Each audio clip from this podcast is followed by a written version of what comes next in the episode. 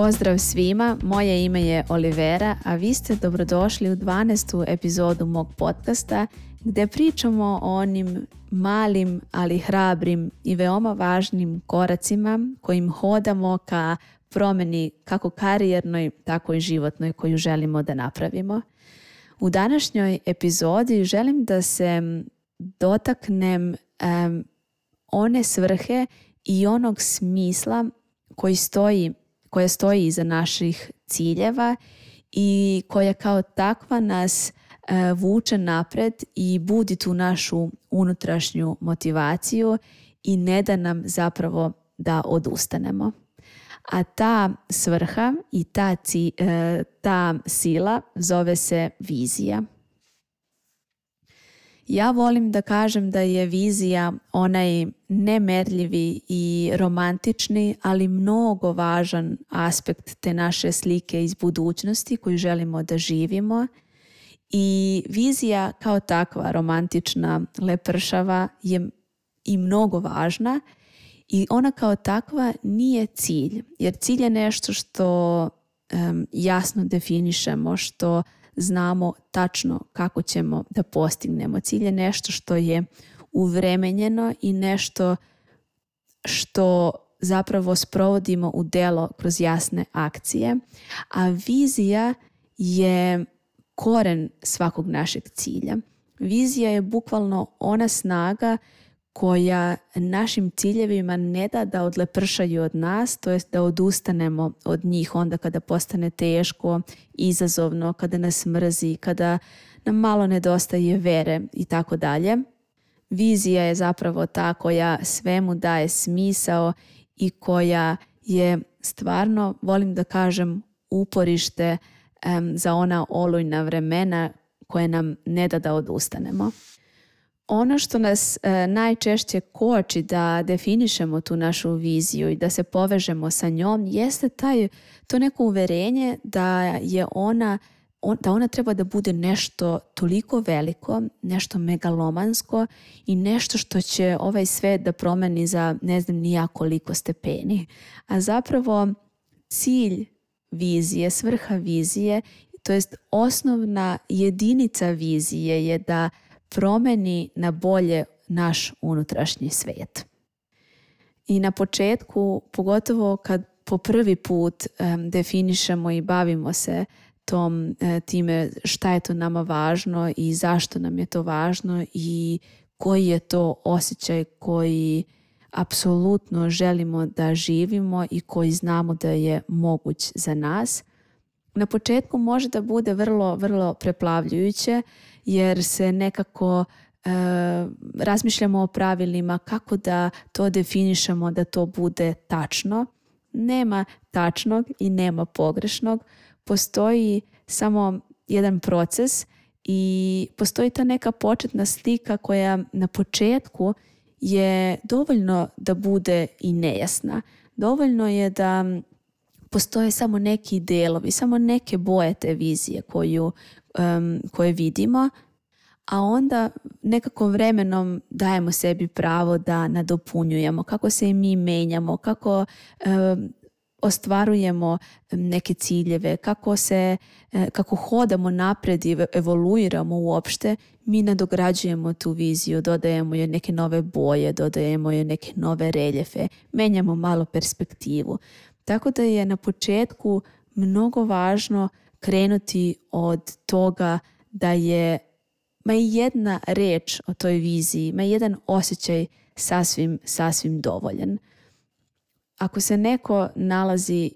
na poslu koji ga ne ispunjava, ako odlazi na to radno mesto i sedi i konstantno je pod stresom i ima osjećaj da tu ne pripada, on u tom trenutku može samo da kaže želim da odem na posao i da se osjećam dobro, da se osjećam rasterećeno, da su mi ramena opuštena, da sam u miru. Za nekoga ko je pod stresom, ko, koga kinji šef, koga kinje klijenti i tako dalje, to je dovoljno velika i dovoljno jasna vizija tako da u tom smislu nema pogrešnog i jasnog definisanja vizije, postoji samo ono što je nama zaista važno, vrijednosti koje mi želimo da živimo i možda ono najvažnije kod vizije jeste da poverujemo da je to nešto u budućnosti za nas moguće. Možda u ovom trenutku to ne živim, ali mnogo želim tu promjenu i vjerujem da je ta promjena za mene moguća. Jer ako ne vjerujemo da je ta neka promjena za nas moguća, onda mi to nepoverenje zapravo inkorporiramo i u svoje ciljeve i onda odustajemo od njih. Ne zato što smo lenji, zato što nas mrzi, već zato što prosto ti ciljevi nemaju koren, nemaju onu osnovu koja ih drži, koja ima smisla zapravo za nas, za naš život, za sve što želimo da postignemo i za sve što nas raduje na kraju krajeva. Osim tog razloga da kad naši ciljevi nisu utemljeni u našoj viziji, mi odustajemo od njih, isto tako e, ponekad definišemo tu e, viziju previše abstraktno, previše daleko, kao što sam rekla, nema tog verujućeg faktora i onda ako mi ne vjerujemo u to, naravno da nećemo ni imati motivacije da, da ostvarimo te ciljeve. Zato je mnogo važno da ta definicija bude nešto nama pristupačno, nešto što osjećamo da je za nas dostupno i da negujemo tu otvorenost da je da se ta dostupnost širi. Dakle, mi kako e, rastemo, kako se menjamo, kako evoluiramo, tako i naša vizija zapravo ima pravo da raste i ona je živi organizam i treba ju doživljavati kao jedan proces, kao jedno delo kome konstantno imamo pravo da, da dodamo neke nove boje. Možda jedino što je suštinski važno izbjegavati kada se bavimo tom našom vizijom, kada želimo da pustimo tog našeg e, sanjara onako na polje da da rasplamsa tu svoju viziju, mnogo je važno da u tom trenutku imamo sposobnost da utišamo svog unutrašnjeg kritičara, da mu ne dozvolimo da ubaci tu sanjarevu viziju u jednu kutiju koja je obično e, proizvod okoline, proizvod tuđih definicija, šta je uspeh, šta je dobar život, šta je moguće, kako bi nešto trebalo da se radi i tako dalje. Tako da mislim da je suštinski važno da vežbamo taj mišić zvani mašta koji smo kao klinci tako često, to jest svakodnevno koristili i nismo se uopšte libili da, da maštamo, da izmišljamo nova pravila, da izmišljamo nove igre, samo da nam bude lepo, da se zabavimo E to naše detinjstvo je dokaz da imamo maštara u sebi, samo treba da mu napravimo jedan bezbedan prostor koji će nam pomoći da se povežemo zapravo sa našom vizijom. I za kraj bih voljela samo da spomenem ciljeve kao jedno sredstvo kojim tu romantičnu, nemerljivu sliku života koju želimo i sliku promjene, možda unutrašnje koju želimo, ne možda, nego svakako unutrašnje promjene, ciljevi su sredstvo koje spušta tu sliku